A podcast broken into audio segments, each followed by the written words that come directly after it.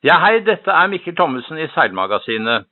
Jeg ringer deg fordi du har nettopp fylt 80 år og er i full gang med nye seilprosjekter. Fortell meg hva du holder bra. på med nå. Ja, eh, förra året, jag höll på kan man säga sedan eh, nästan 60 år tillbaka utveckla en liten enkel långfärdsbåt, en oceangående båt, en havens eh, mountainbike. Och eh, ibland har det inte gått så bra, ibland, du, du vet när man håller på att experimentera va.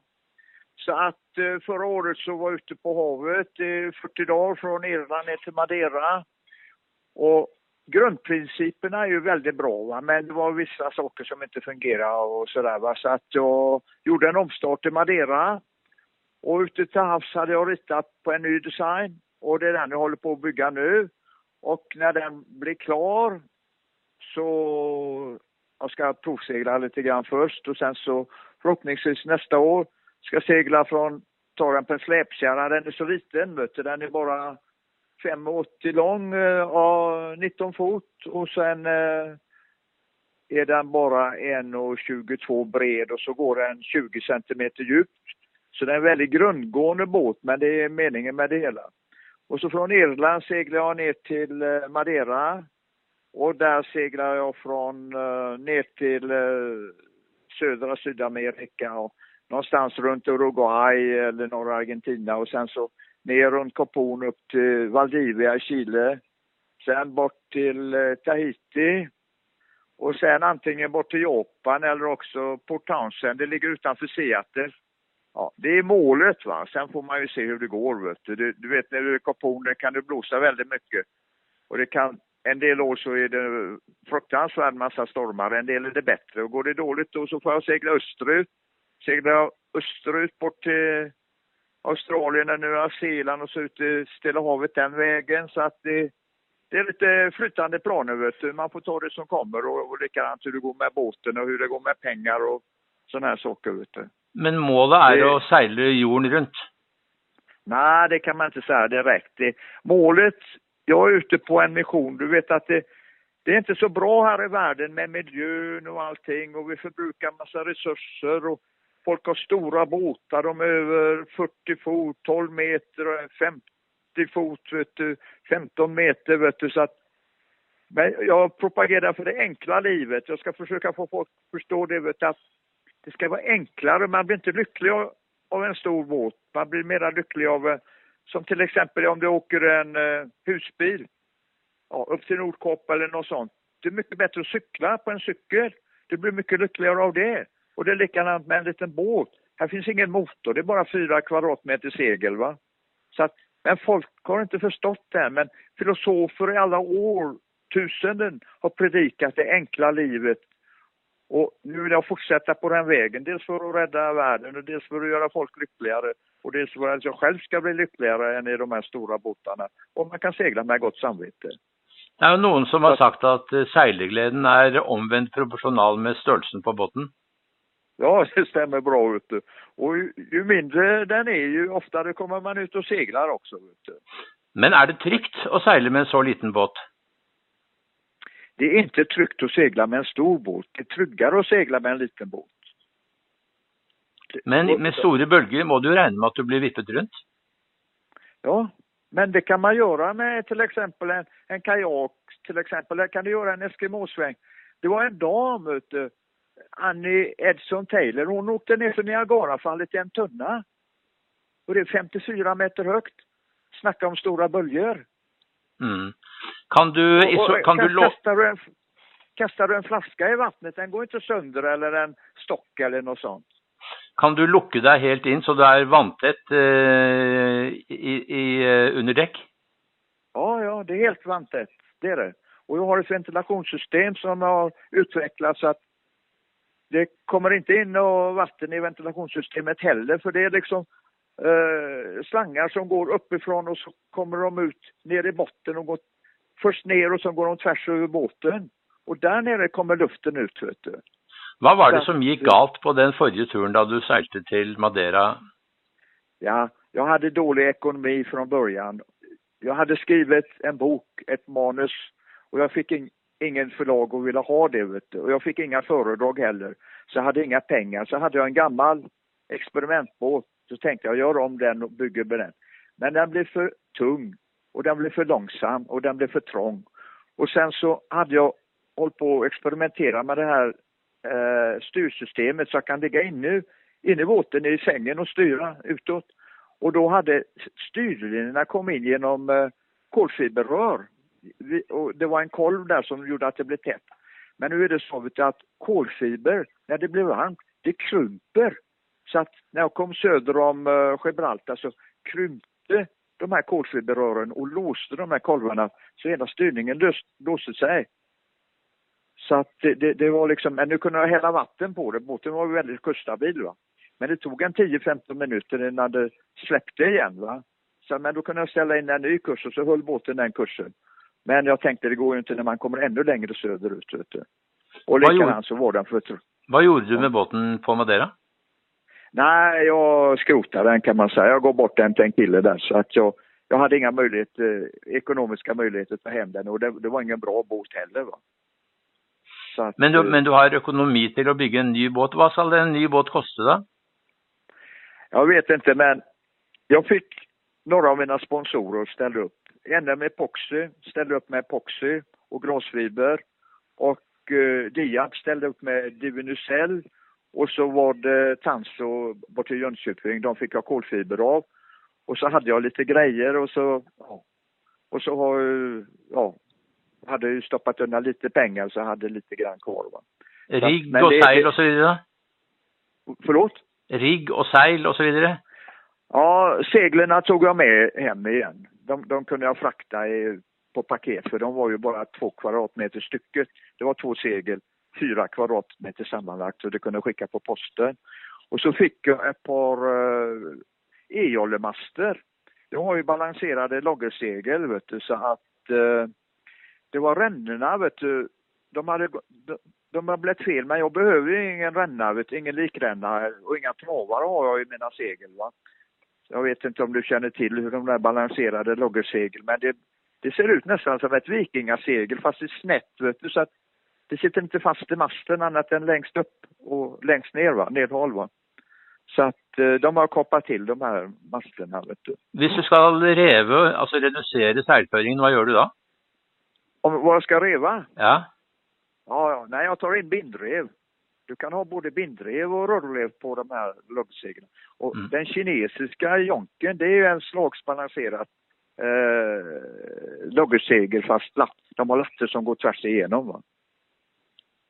Så att det, och, och har du någon form för självstyre? Har du vinnerord? Nej, jag har inte det. Och det hade jag inte på förra båten heller och det, det är väldigt sällan jag har haft det. Jag har nästan aldrig haft jag har ju seglat sedan 62 och varit på långsegling vet du. Men eh, jag balanserar båten vet du, trimmar in den. Och så har jag gjort en skråform som är väldigt eh, balanserad va, så jag behöver inte det. Och det är ett av de största problemen med de här stora båtarna. Du vet den här uh, Sailing nu, Golden Globe Race vet du, som mm. en norrman var med vet du. Där gick ju vindstyrningarna sönder hela tiden vet du och det blev beväxning på botten och här, den här är bara 1,20 den här båten, den går 20 centimeter djup. Så jag kan gå ner i vattnet vet du, och så kan jag ligga med munnen ovanför vattnet och näsan ovanför vattnet och så når jag inte hälften av botten och skrapa bort det här vet du, påväxning och så. Är du, rädd, är du rädd någon gång när du är ute och säljer med den lilla båten? Nej, jag är mer rädd i land vet du.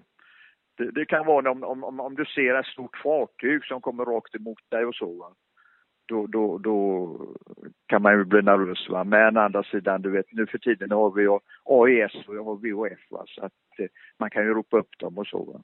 Och sen så, med en liten båt, det är mindre risk att det ska hända något farligt om ett stort fartyg träffar på dig. För det, det är liksom mer att eh, du kastas ju bort av bogvågor och så på ett helt annat sätt. Va? Men du är, alene, du är alene på havet över väldigt lång tid. Hur berör det dig? Nej, men jag trivs. Jag är enstöring, vet du. Jag trivs med att vara ensam. Men förr i tiden så har jag haft, eh, ibland har jag träffat någon tjej och då har hon seglat med och men det tar ju väldigt tid med tjejer så jag kan inte hålla på med det nu när jag bygger båt va. Men när jag väl är klar med båten, vem vet, det kanske hittar någon tjej som kan följa med några sträckor vet du. Är det plats i sig ombord i den båten där då? Ja, ja, den här är så stor vet du. Det är gott om plats i den här båten vet du. Det ska, Det plats det for skal to være, et, det skal være et spesielt kvinnfolk som eh, vill vara med på en ska sån vara- båt. Ja, hon ska vara liten också, helst under 1,55. ja. Men nu finns det, man kan ta på internet och allt möjligt vet du. Det finns, man kan skriva ut vad man vill ha. Det finns ju tjejer i hela världen. Det finns ju säkert fyra miljarder tjejer i världen vet du. Så Ja. någon måste väl passa. Men å andra sidan, det är inte så stor fara med det vet utan det, det är tänkt att jag ska segla själv och det är bara det om tillfället dyker upp va. Då har man möjlighet att ta med en tjej va. Om hon inte Men- är för stor. Va? Men, men for deg så ligger det en grunnleggende idé om å leve et enklere liv som er bak dette. Og selvfølgelig Ja, precis. økonomi også, men, men, men dette med å leve et enklere liv, det er det som ligger til grunn. Ja, det är precis. Och du blir lyckligare också. Det, och det är bättre för hälsan och allting, vet du. Folk, som sagt var, filosofer under alla årtusenden har predikat det och religiösa ledare och alla möjliga, vet du. Det är bara det, vet du. Det, det, det är liksom den här enkelhetens paradox, vet du, att du vet att vi kan inte du vet att komfort och sådana saker, det fungerar bara under en kort tid va. Sen blir du utled på den här komforten vet du, och du blir fet och sjuk och allt möjligt va. Men lever du ett enkelt liv då har du hälsan va. Och då har du lyckan också va. Så det är det jag ska försöka visa va. Men eh, folk tänker inte långsiktigt, de tänker kortsiktigt. Vet du. De äter chokladbitar och de dricker sprit och de röker cigaretter och ja, allt möjligt. Vet du. De bygger stora hus och stora båtar och stora båtar är stora problem, små båtar är små problem. Man ska Men- leva ett enkelt... Sprit og vin, det ikke noe for deg. Nej, det är det inte. Jag har aldrig druckit. Vet du. Det sa mor till mig när jag var liten. Vet du. Vi såg en full gubbe, vet du. han trillade omkring i ett dike. Vet du. Mor sa, Sven, akta dig för spriten, det är farligt, du blir full och ligger i ett dike. Och sen är det ingen som vill hjälpa dig. Och det har jag hållit på i alla mina år. Vet du. Men selv om du ikke har sprit og vin, så må du ha mat og vann. Hvordan Jo. ordner du det? Jo, men det, det går inte så mycket. Nu tänkte jag det, en 60 dagar mellan hamnarna på den här båten och jag äter ungefär ett halvt kilo om dagen, inte mer än det vet du. Så det är 30 kilo mat. Det är inte mycket vet du. Hva Och sen slags mat har du, slags mat har du da? Ja, det är musli och sardiner. Nu är det så mycket plats i den här båten. Jag kanske tar med några ostar också, vet du, lite bröd. Sån här danskt hårt eller tyskt rågbröd, vet du, som håller sig i evigheter. Og vann, Och så vatten. Ja, det jag räknar med 0,7 liter per dag. Det är vad jag brukar göra av med. Men jag ska ta så att jag har en liter. Jag ska ta 60 liter. Och så ska jag ta lite grapefrukt också för jag har gott om plats i dem. Och det är en typ av vatten. Det är 90 procent vatten i grapefrukt. Vet du. Och de håller länge. Vet du. Men da har du ikke mye å gå på. Du sier at du skal regne 60 døgn mellom havnene. Hvis du skulle få 80 eller 100 døgn, så kan det tenkes at du blir ganske sulten. Ja, ja, men du vet, man, man, man behöver inte äta varje dag. Vet du. Jag äter bara en gång om dagen. Vet du. Och nu har jag blivit lite tjock. Vet du. Så nu äter jag bara en gång om dagen varannan dag. Va? För att hålla vikten. Va? Kan du Nej, fiske du fra vet- båten, da?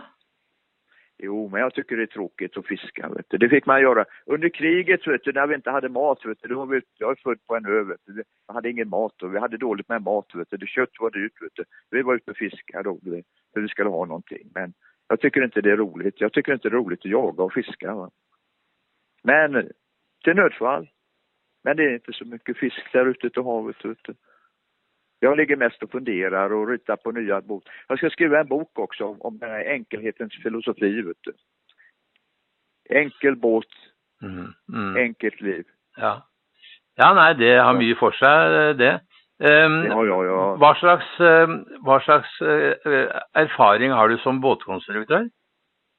Ja, jag har hållit på många år och bygga båtar. Jag, den första, jag, jag började då och konvertera. Jag fick tag i ett gammalt skrov. Det var 1962 första gången och så byggde jag om den lite grann till en, till en långfärdsbåt och sen så 68, 67 gjorde jag samma. Och den båten, det var en liten stevveka på 15 fot. Jag seglade till England med och, och sen Ja, var det 69? Det var en gammal ångbåt jag byggde om och seglade ner till Rio med till en skonare och sen 71 då byggde jag den först, Då ritade jag den första båten från början och byggde den i källaren och försökte segla ner runt Kopon med den. Men den kapsejsade, ja, inte långt från Kopon kapsejsade den först en dag. Sen så pitchspår, vet du, den slog runt akten över fören. Va? Och då seglade jag bort till världens mest isolerade ö som ligger där nere i Rorenfotis, Tristan da Cunha, om du har hört talas om den. Ja. Och sen så seglade jag upp till Amerika och jobbade med båtkonstruktör där och gjorde trimaranger. Dick Newick, han var världsledande på den tiden. Och sen så till denna Ostad byggde vi båtar då. Och sen så seglade jag tillbaka och byggde en båt i aluminium i Sverige. Och med den rundade jag kom på 1980. Den var också 19 fot. Och det, då var det världens minsta båt och runda kopon. Och det var mitt i vintern i juni. Och sen har jag byggt många båtar efter det vet du. Så jag har hållit på att bygga båtar ja, många år vet du. Mm. Många, många båtar. Är det det du har drivit med? Har du, tatt, har du haft betalt arbete på vanlig måte någon gång? Ja, jag har haft som tur vet du, så att 1976 när jag kom tillbaka till Sverige eh, efter den här båten då, då hade det blivit populärt med segling. Det var inte så populärt innan men då, och det gick ganska bra. Och då började jag hålla föredrag vet du, så jag var runt i hela Sverige och uppe i Norge också och höll föredrag vet du, och fick betalt för det. Så i 45 år så har jag hållit föredrag, lekt på att hålla föredrag och skriva böcker. Två av mina böcker är ute på norska också, vet du, på Flyt förlag. Och de kommer de översätta till norska. Jag har varit mm. i både Oslo, Bergen och ja, en del andra städer i Norge och hållit föredrag också. I Norge förstår de vad jag säger, vet du. Det var värre nere i Danmark. Jag var nere i Köpenhamn på Bella Center. Det kom 700 man till mitt föredrag. Hälften gick, vet du. De förstod inte vad jag sa. Men i Norge förstår de vad jag säger, vet du. Ja, det är något problem att förstå vad du säger. Ja, ehm, det, det är bra. Det som, det som jo er eh, Det er mange ting som er spennende med deg, ehm, eh, men det som er jo budskapet i dagens samfunn, det er jo dette med å leve enkelt, forbruke lite, eh, ja. ikke, ikke slippe ut gasser og annet som kan, som kan forsøple verden. Og selvfølgelig når det gjelder plast i havet og sånn, så er du ganske nøye på det, går jeg ut ifra, sånn at du har ikke noe utslipp fra båten din? Nej, nej alltså det, om jag har någon förpackning av musli och så, så sparar ju de. Det tar ju mindre plats när man har upp muslin. Så det är inga problem. Och likadant, det finns ingen motor i båten. Jag har en åra. Jag har bott i Japan, en liten fiskeby och lärde mig det här japanska vricksystemet, YOLO, heter det på ja, engelska kallar man det för jolen, när det har ett rep ner och så. Vet du. Man blir mycket starkare på det sättet. Va? Och sen så har jag fortsatt utveckla, jag har hållit på med det många år vet du, med den här, med en åra. En åra och fyra kvadrat vet du, segel. Det räcker, man, ska inte, man behöver inte mera. Och sen får man naturligtvis visa sjömanskap va. Det får man göra. Men när, är det avresa för den nästa båten då? Ja, jag hade väl tänkt i sommar att den skulle vara klar i, i, i maj nu. Men nu är det redan maj och jag är inte klar vet du. Då hade jag tänkt ta båten till Ålesund och segla upp till Island, men nu hinner jag inte det. Så det är till eh, augusti jag kan göra en provsegling. Jag skulle gärna vilja komma bort till Stavanger och, och segla där lite grann, för det tycker jag verkar fint va, men det hinner jag nog inte heller va. Så att nu blir det väl provsegling i sommar och sen så i maj nästa år ska jag ta den på en eh, släpkärra bort till Irland. Tänkte jag, om allting går bra. Men man vet aldrig när man håller på att experimentera. Plötsligt är det någonting som inte stämmer och så. Man får bygga om. Vi får hoppas att uh, hälsan håller. Uh, ja, 80 år är ju en ålder, men när jag hör stämmen din så hör jag, snackar jag med en ung man.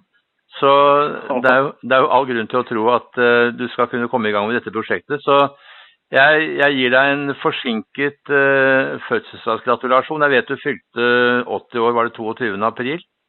Ja, just det, det stämmer. Och, och, och så ska jag Ja, kom igen. Jag, ska, jag, jag vill tacka för den väldigt fina eh, seglartidningen ni har i Norge. Det är en av de allra bästa som finns i hela världen. Och jag har fått en sån prenumeration och jag är väldigt tacksam för det. Och jag läser den noggrant varje gång den kommer och har fått den länge. Jag är väldigt nöjd med tidningen, får jag säga. Det är hyggligt, det är hyggligt att du säger. Eh, på lördag så får du uh, bruka din datamaskin och gå in på seilmagasinet.no så vill du ja. høre denne samtalen, og, eh, og jeg håper vi minnes den med glede. Och så önskar jag dig lycka till vidare. Tack för samtalen. Ja, tack så mycket. Hej. Hej.